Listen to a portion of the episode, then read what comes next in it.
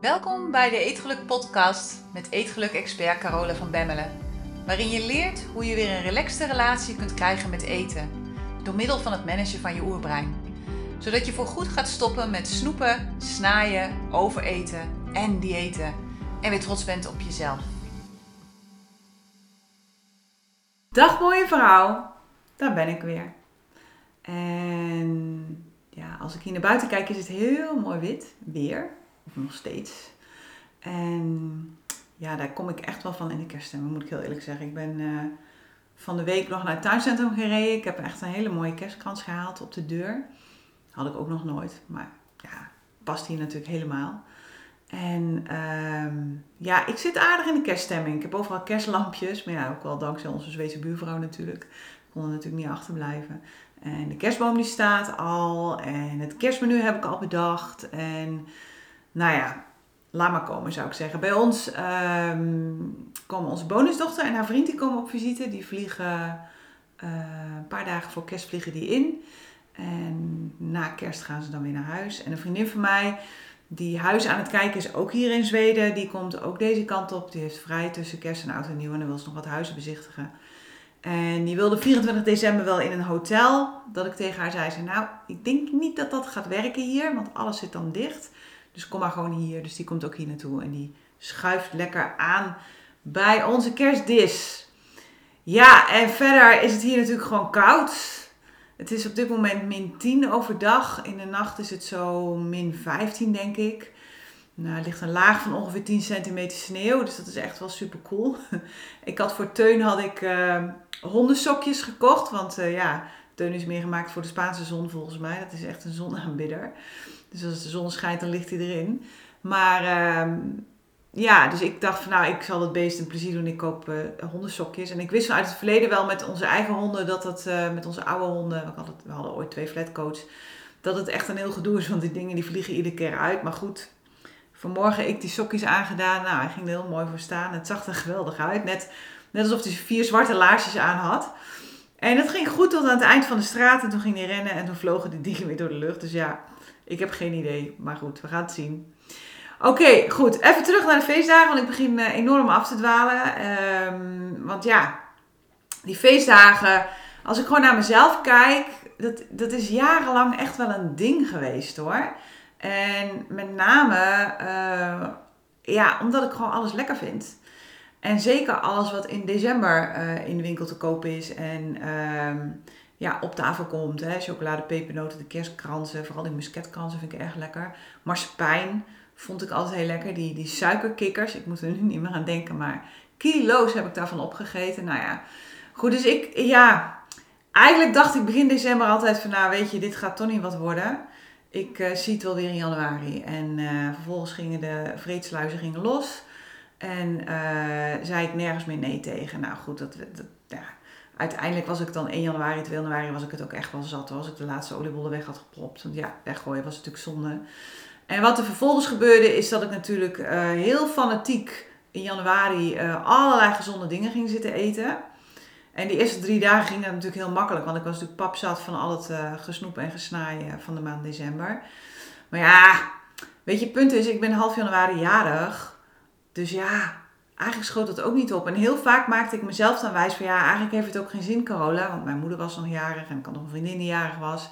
Maar je kunt beter na half januari beginnen, want voor die tijd heeft het gewoon geen zin. Nou ja, en zo schoof ik dat natuurlijk steeds verder door. En het punt is ook dit, dat in te vallen met eten. Hè, dus eerst alles eten en daarna ineens weer heel gezond. En dan weer alles eten en dan weer heel gezond. Nou ja, en dat gewoon je hele leven doen. Is niet goed voor je lichaam. Maar het is ook niet goed voor je oerbrein.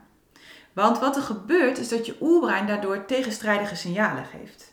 Je, je, ja, je moet het eigenlijk even zien als een hond en wat gebeurt er als je die hond de ene keer wel een koekje geeft en de andere keer niet? Nou, degene die een hond hebben, die snappen precies wat er gebeurt. Dan blijft die hond bedelen. Want hij weet namelijk nooit wanneer er wat van de tafel valt. Dus ja, je kunt er dan maar beter wel zitten. Want als het valt en je zit er niet, is ook zo lullig. is ook jammer. Dus dat is wat er gebeurt als je gaat in te vallen. En hetzelfde geldt natuurlijk voor kleine kinderen. Hè? Wanneer je ze de ene keer wel iets geeft, of wanneer ze de ene keer wel iets mogen en de andere keer niet, dan krijg je uiteindelijk een heleboel gezeur.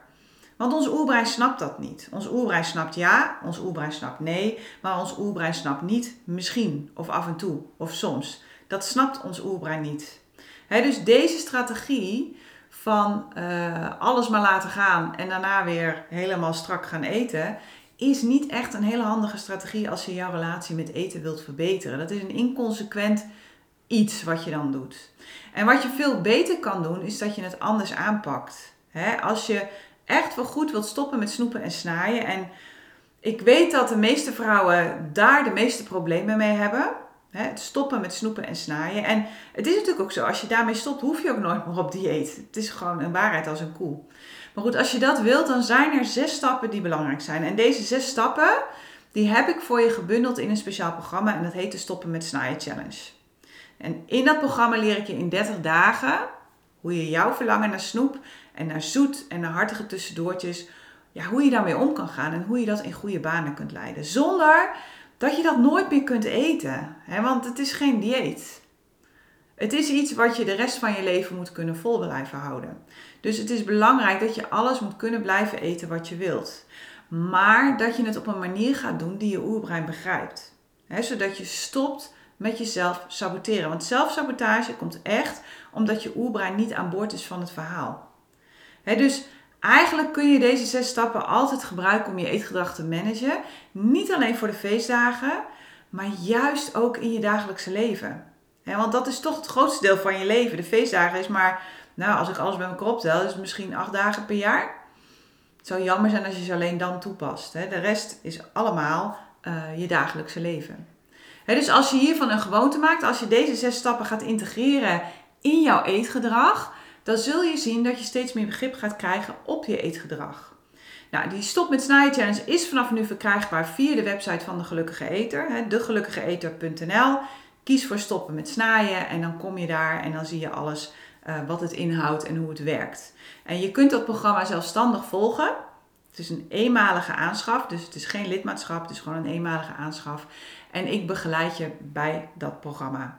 Nou, en wat ik ga doen in deze podcast is dat ik de zes stappen die nodig zijn om te stoppen met snijden heel kort met je ga bespreken. In het programma krijg je van mij de exacte ins en outs en met name ook de details waar je op dient te letten. Want geloof me, er kan nogal wat verkeerd gaan als je dit niet op de juiste manier doet. En de meest gemaakte fout die ik dan zie is dat je er gewoon weer het volgende dieet van gaat maken voor jezelf. Ja, en dat is nou net niet handig maar goed, gelukkig zijn er manieren om dat te voorkomen. En in het programma help ik je erbij en ga je ook vooral heel veel oefenen. Goed, wat zijn nu die zes stappen die nodig zijn om voorgoed te stoppen met snoepen en snaaien?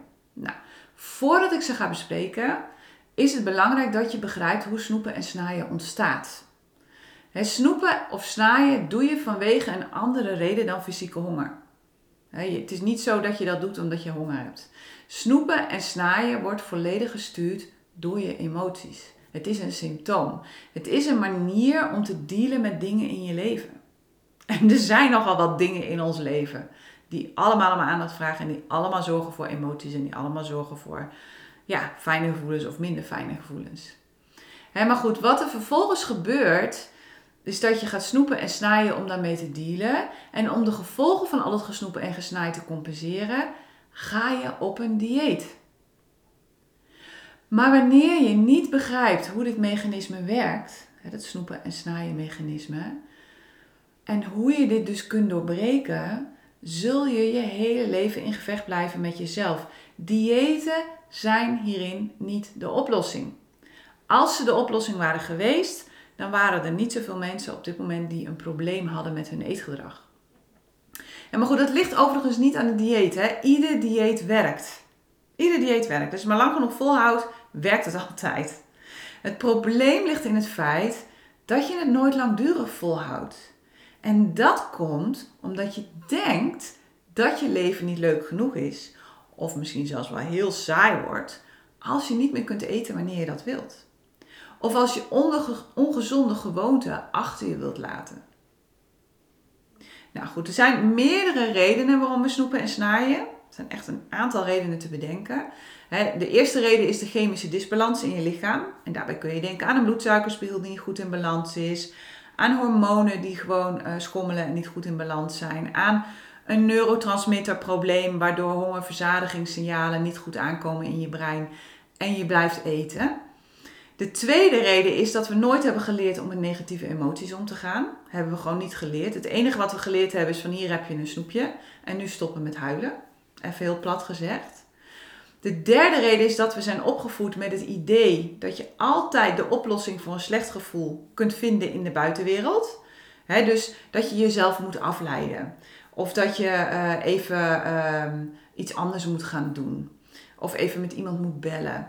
Nou ja, dat iets in de buitenwereld ervoor verantwoordelijk is dat jij je beter gaat voelen van binnen. De, de, de vierde reden zelfs al is dat we bang zijn dat ons leven saai wordt als we alle valse pleziertjes opgeven. Als, we, als je nu op dit moment al je extra eten weg zou laten uit je leven, is je leven dan nog leuk? Of ben jij op dit moment je leven aan het opleuken met eten? Nou, en de laatste, en dus ook niet een onbelangrijke reden, is dat eten natuurlijk overal is. En dat vanuit onze basisprogrammering, de basisprogrammering van je oerbrein, dat we constant automatisch gestuurd worden naar eten. want eten is belangrijk om te overleven. En eten is een basisbehoefte voor je lichaam.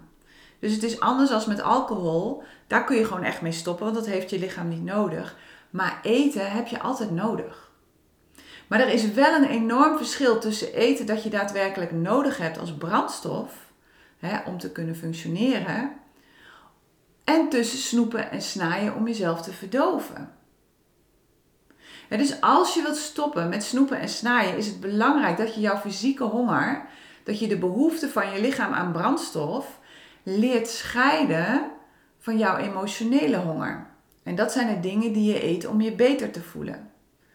En als je dat leert, als je gaat begrijpen, als je gaat voelen wanneer je fysiek honger hebt en wanneer je emotioneel honger hebt, kun je heel bewust gaan waarnemen welke rollen eten of drinken allemaal vervullen in jouw leven. En dat begint weer met het onderzoeken van de overtuigingen die je hebt over eten. Dus hoe je denkt over eten. En de redenen waarom je eet. wat zijn voor jou redenen om te eten? Eet jij omdat je denkt dat het zonder eten niet gezellig is? Of omdat je denkt dat het zo lullig is voor die ander als je niets neemt? Heb ik heel lang gedacht. Zo lullig als ik nu nee zeg. Ze heeft zo de best gedaan. Eet je omdat je geen zeur wilt zijn of omdat je bang bent dat ze je saai vinden? Eet je omdat je verveelt? Eet je omdat je verdrietig bent? Omdat je blij bent? Of omdat je iets te vieren hebt? Of omdat je het verdiend hebt? Dat zijn ook allemaal redenen. Ik klepte vroeger altijd meteen naar de bakker als ik wat te vieren had hoor. Er moest altijd een taartje bij. Tegenwoordig doe ik dat niet meer. Maar in het verleden was dat gewoon mijn standaard reactie. Eet je omdat je je schuldig voelt? Of eet je omdat je het even niet meer weet? Of eet je om, nou ja, wat voor reden dan ook? Je kunt ze zelf ook wel invullen, denk ik. En het punt is dat je hier dus twee dingen kan doen. En je kunt op basis van wilskracht stoppen met overeten. Nou, dat is wat 99% van alle mensen doet, door steeds weer op een nieuw dieet te gaan. En het punt is, dat gaat vaak wel een tijdje goed. Maar daarmee behaal je nooit blijvende resultaten. Want zodra het leven er tussendoor komt, en dat gaat gebeuren, er komen andere situaties waar je je wilskracht harder voor nodig hebt dan om je eetgedrag te managen, dan verval je terug in je oude gedrag. Dus dat is een tijdelijke oplossing, altijd. Niet voor niets kom je altijd weer terug op je oude gewicht als je het op deze manier gaat doen. Beter is het daarom om de oorzaak aan te pakken. En die oorzaak, dat is emotionele honger. Oftewel eten omdat je een emotie niet wilt voelen. En wanneer je leert hoe je dit kunt veranderen, dan ga je blijvende resultaten creëren. Het is een langduriger proces. Het is meer werk aan de winkel. Maar uiteindelijk is dit de weg naar blijvende resultaten. Nou, en als je het dan hebt over dat eten vanuit een emotie, hè, emotie eten wordt het ook wel genoemd, dan is er een hele belangrijke factor actief en die factor dat is je oerbrein. Het is je oerbrein dat ervoor zorgt dat het zo verrekte lastig is om te stoppen met snoepen en snijden.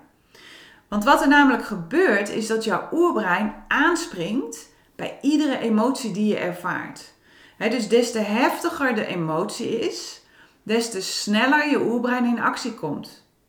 Want zo gauw jij een heftige emotie ervaart, denkt je oerbrein dat je doodgaat en komt het je redden.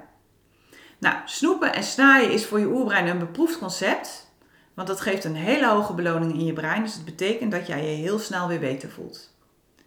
Dus wanneer je wilt stoppen met snoepen en snaaien, is het heel belangrijk dat je dit mechanisme begrijpt en dat je leert hoe je jouw oerbrein op de juiste manier gaat managen. En dat doe je niet door niets meer in huis te halen, want dat doen heel veel mensen. Die halen niets meer in huis. Of die uh, doen het eten met achter slot en grendel en geven de sleutel aan iemand anders in huis. Maar dat gaat niet werken, want overal om je heen is eten. Dus je kunt het dan misschien thuis wel controleren, maar zo gauw je naar buiten gaat, ja, dan ben je de controle kwijt. Dus dat is niet de beste manier. De beste manier is dat je de regie over jouw eetgedrag terug gaat nemen en dat je vooral begint met het bouwen aan een gezond zelfvertrouwen. Dat gezonde zelfvertrouwen is de sleutel. En een eerste belangrijke stap in dit proces is te leren hoe je vanaf nu kunt zeggen wat je doet en daadwerkelijk gaat doen wat je zegt. Iedere keer opnieuw. Als jij het vertrouwen in jezelf wilt herstellen, is dat waar je mee moet beginnen. Zeggen wat je doet en doen wat je zegt. Geen excuses, geen uitzonderingen. En vanuit dat vertrouwen, dat gaat groeien namelijk, want iedere dag dat jij gezegd hebt wat je doet en hebt gedaan wat je zegt, groeit jouw vertrouwen in jezelf en ga je als vanzelf andere keuzes maken. Nou, dit en dit alleen, hè, dus het zeggen wat je doen, doet en het doen wat je zegt, dat is wat we gaan oefenen tijdens de Stop met Snijden Challenge. En je gaat leren hoe je weer een betrouwbare partner kunt worden naar jezelf. Want dat moet eerst. Je gaat leren om niet langer meer vreemd te gaan zodra er een verleiding voorbij komt. Ja, het is een soort van, ja, het is een soort van relatietherapie, zo zou je het echt wel kunnen zien. En dat lukt alleen als je jouw relatie met jezelf uiterst serieus gaat nemen. En als je weet en begrijpt hoe je jouw oerbrein, hoe je die grote verleider in je hoofd, want dat is het, kunt gaan managen. En want jouw oerbrein is de grote saboteur van alle afspraken die je maakt met jezelf. we weten het allemaal, hoe vaak heb je je geen dingen voorgenomen die uiteindelijk toch niet zijn gelukt? Hoe vaak ben je op maandag opnieuw begonnen? En hoe vaak zat je toch weer in de Nutella-pot of in de voorraadkast om het snoep van de kinderen op te eten, ook al wilde je het echt niet? Was echt niet de bedoeling, maar ja, ineens was het op dit is wat ik noem de oerbreinfactor. Je oerbrein is echt een meestersaboteur. Dus wanneer je wilt gaan doen wat je aan jezelf hebt beloofd, is het belangrijk dat je leert hoe je jouw oerbrein kunt besturen. Hoe je die grote verleider, die jouw relatie met eten iedere dag opnieuw verstoort, hoe je die kunt managen. Want wanneer je niet weet hoe je dat kan doen, dan blijf je snoepen en snaaien. Echt serieus dan kan het even een tijdje goed gaan, maar uiteindelijk gebeurt er weer iets en dan zit je gewoon weer in je oude ritme. Maar dat kennen we, dat weten we, we kennen dat. Iedereen kent dat. Goed, hoe je dat dus kunt doen, zes stappen en die ga ik je nu vertellen. Die stappen ga je dus leren en oefenen tijdens de Stop met Snijden Challenge. De eerste stap die je dient te zetten is het samenstellen van jouw eetprotocol. Nou, en een eetprotocol is niets meer en niets minder dan een plan voor de dingen die je wilt eten. En daar zijn heel veel belangrijke punten voor die je in de gaten moet houden. Ik geloof iets van 20 belangrijke punten. Ga ik nu allemaal in deze podcast niet bespreken. Die komen allemaal uitgebreid aan bod in het programma. Maar de belangrijkste vraag die je hierbij aan jezelf dient te stellen is: kan ik dit de rest van mijn leven volhouden? Want dat is waar het verkeerd gaat. Altijd en bij iedereen. Wat ik zie namelijk is dat heel veel vrouwen het vaak helemaal gelijk perfect willen doen omdat ze denken dat ze dan sneller afvallen. En ja, als ze helemaal afgevallen zijn, kunnen ze weer normaal gaan eten. Ja, en wat krijg je als je weer doet wat je altijd hebt gedaan? Krijg je wat je altijd hebt gekregen. Dus dat is niet de weg. Dat is de weg naar eindeloos jojoen. En dat is dus ook niet waar de Stop met Snijden Challenge over gaat. Het is geen perfect eten challenge. En het is ook geen afslang challenge. Het is de Stop met Snijden Challenge. En dat betekent dat jouw protocol er in de eerste plaats voor moet zorgen dat je gaat stoppen met snijden. Lijkt me duidelijk. De makkelijkste manier om dit succesvol te kunnen doen is door ervoor te zorgen dat jouw eetprotocol een exacte afspiegeling is van alles dat je nu al doet. En nu zal je oerbrein geheid zeggen ja, maar dan, dan wordt het nooit wat en bladibladibla. Maar dat is wel waar je begint. Want door dit te doen, wordt het makkelijker om jezelf eraan te houden. En wat ik wil voor jou, is dat je succeservaringen krijgt. Is dat je gaat zeggen wat je doet en gaat doen wat je zegt. En dat is het makkelijkste als je gaat doen wat je nu ook al doet. Dat wil ik dat je gaat oefenen. Dat je het vertrouwen in jezelf gaat herstellen. En pas wanneer je je echt kunt houden aan je eetprotocol, kun je kleine wijzigingen gaan maken. En nogmaals, de hele psychologie hierachter komt uitgebreid aan bod tijdens de challenge. Maar dit is de belangrijkste tip die ik je daarover mee wil geven. De tweede stap die je dient te zetten is opschrijven wat je wilt gaan eten. En dat doe je 24 uur van tevoren. Voor mij mag je het ook s'morgens doen voor de rest van de dag. Maar het is belangrijk dat je gaat plannen. En oh, oh, oh, oh, oh. Wat willen we dat toch graag niet doen? Want, zegt ons oerbrein, dan zet ik mezelf vast. Dan ben ik niet meer flexibel. Dan kan ik niet meer spontaan zijn. En het kost me te veel tijd en daar heb ik geen tijd voor. En dan ben ik nog meer met eten bezig. Maar ik vertel je, plannen is cruciaal. Als je niet plant, kun je het vergeten. Want je oerbrein is heer en meester over jouw eetgedrag in het moment. Het kiest volledig op basis van hoe jij je voelt. Dus wanneer je jouw eetkeuzes laat afhangen van waar je in het moment zin in hebt, dan kun je er gif op innemen dat je niet altijd de meest gezonde keuzes zult maken voor jezelf. En weer zelf de regie nemen over je eetgedrag. Begin daarom bij leren hoe je met je mensenbrein jouw oerbrein kunt managen. En dit doe je door te plannen en je aan jouw plan te houden. Want daarmee zeg je wat je gaat doen en ga je doen wat je zegt. En iedere keer wanneer je aan jouw plan houdt, dan scoor je een succeservaring. En al die succeservaringen, die helpen je om je goed te voelen en vanuit het goede gevoel zul je als vanzelf andere beslissingen gaan nemen. En tijdens het programma leer ik je tot in detail hoe het werkt met plannen, waar je op moet letten, maar ook en vooral hoe je kunt omgaan met het plannen van uitzonderingen, zoals een etentje of noodsituaties of een vakantie.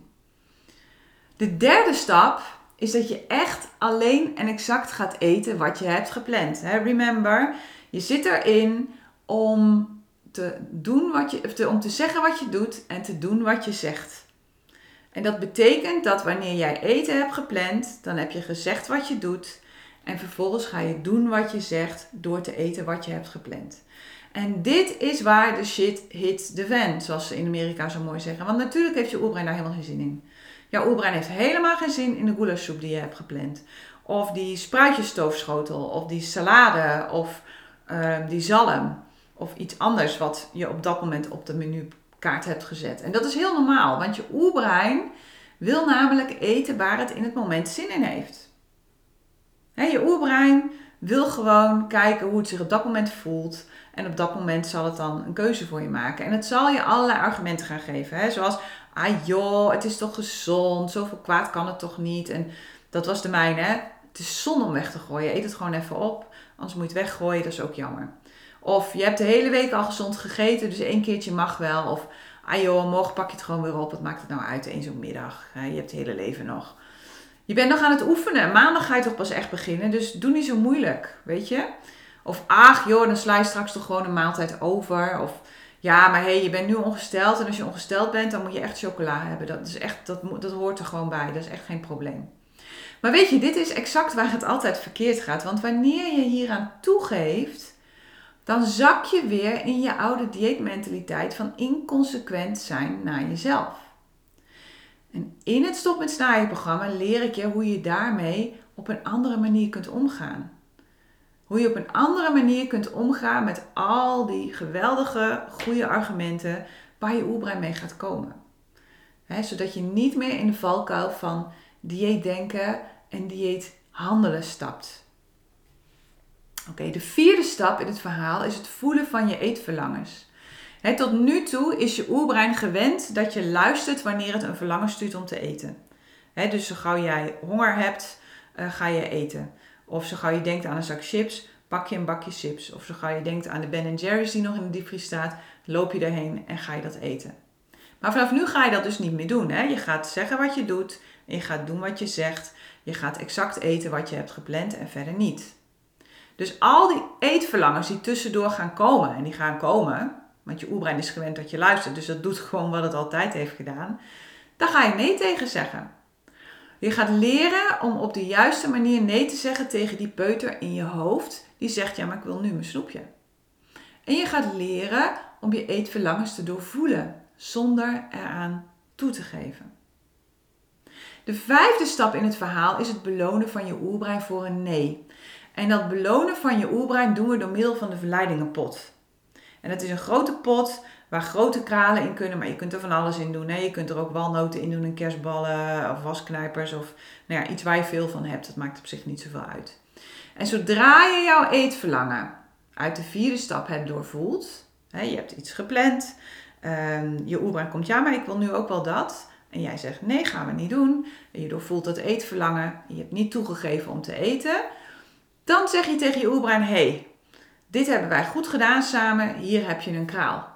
Of hier heb je een walnoot, of hier heb je een kerstbal. En die doe je in die pot. En die pot moet vol. Ik heb nu een pot staan uh, met golfballen. Want wij wonen hier natuurlijk aan de golfbaan. Nou, op dit moment zijn er niet veel golfballen te vinden. Maar in de zomer, tijdens iedere wandeling die ik maakte, vond ik wel één of twee golfballen. En mijn oerbrein wilde maar één ding, namelijk dat die pot vol kwam. Mijn oerbrein vond dat geweldig. Nou, en als die dan vol is, dan pak ik ze mooi in en dan geef ik ze aan een van de kinderen hier op het terrein. Er zijn hier ook heel veel kinderen die golfen. Maar je oerbrein is gek op dit soort spelletjes. Je oerbrein is echt gek op een beloning. En het klinkt heel raar, maar het werkt dus echt. en je oerbrein doet echt alles voor een complimentje of een schouderklopje.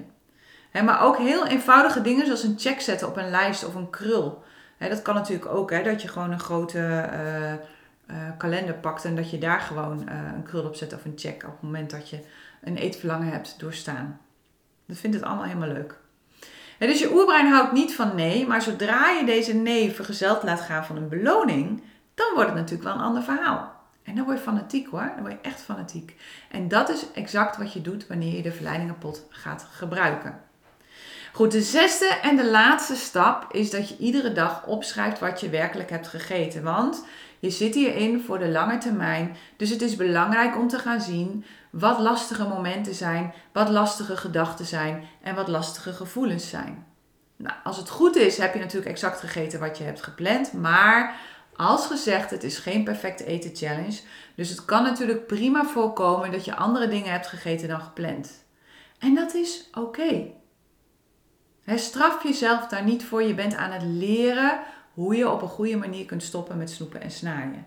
En wanneer dat het geval is, schrijf dan de redenen erbij waarom je ja, niet volgens je plan hebt gegeten. En onthoud ook dat al deze redenen gedachten zijn die ervoor hebben gezorgd dat je toch nog iets anders in je mond hebt gestoken. En hoe je kunt omgaan met deze gedachten, geef ik tijdens de challenge ook kort een paar tips over. De grote moot komt natuurlijk in de Eetgeluk Universiteit, maar tijdens de challenge geef ik je daarin wel een aantal praktische tips, handvatten en advies, zodat je het in ieder geval in dit kader goed kunt gaan gebruiken. Goed, nu heb je dus de zes stappen die nodig zijn om voorgoed te stoppen met snoepen en snaaien. En ja, je kunt natuurlijk nu twee dingen doen. Je kunt er zelf mee aan de slag. Maar als je echt tot in detail wil weten hoe ze werken en hoe je ze kunt toepassen, dan ben je natuurlijk ook van harte uitgenodigd om mee te doen aan de Stop met Snaaien Challenge. Nou, alle informatie over die challenge vind je op de site van de Gelukkige Eter. Dus ga even naar degelukkigeeter.nl. Kies voor Stop met Snaaien voor de challenge. En dan vind je daar alle informatie die je nodig hebt om aan het programma mee te gaan doen. En wie weet, zie ik je op 9 januari aan de start van jouw snaaivrije jaar. Want dat is wat we gaan doen uh, voor het komende jaar. We beginnen met de Stop met Snijden Challenge. Na 30 dagen kun je dat natuurlijk prima zelf. En als je wilt kun je dan kiezen of je aanhaakt bij de Eetgeluk Universiteit of dat je zelfstandig verder gaat met het Stop met Snijden programma. alles kan, niks moet. Goed, ik wens je ehm, een hele fijne week. Ga voor jezelf bezig met deze stappen en uh, ja, ze gaan je gewoon helpen. Daar ben ik van overtuigd. En je weet het, deel deze podcast vooral ook met andere vrouwen. Dus als je vrouwen kent die hier een probleem mee hebben, deel het met hen. Het kan hen, denk ik, ook heel goed helpen. Tot volgende week. Hey, als je het fijn vond om naar deze podcast te luisteren Kijk dan eens naar de Eetgeluk Universiteit. Dit is de Netflix op het gebied van eetgedrag, waarin ik dieper inga op alles dat ik deel in deze podcast. En waarin ik je leer hoe je dit kunt toepassen in jouw leven. En misschien wel het allerbelangrijkste, op jouw eetgedrag. Je vindt alle informatie op degelukkigeeter.nl. Het lijkt me super om jou daar te zien. Tot daar.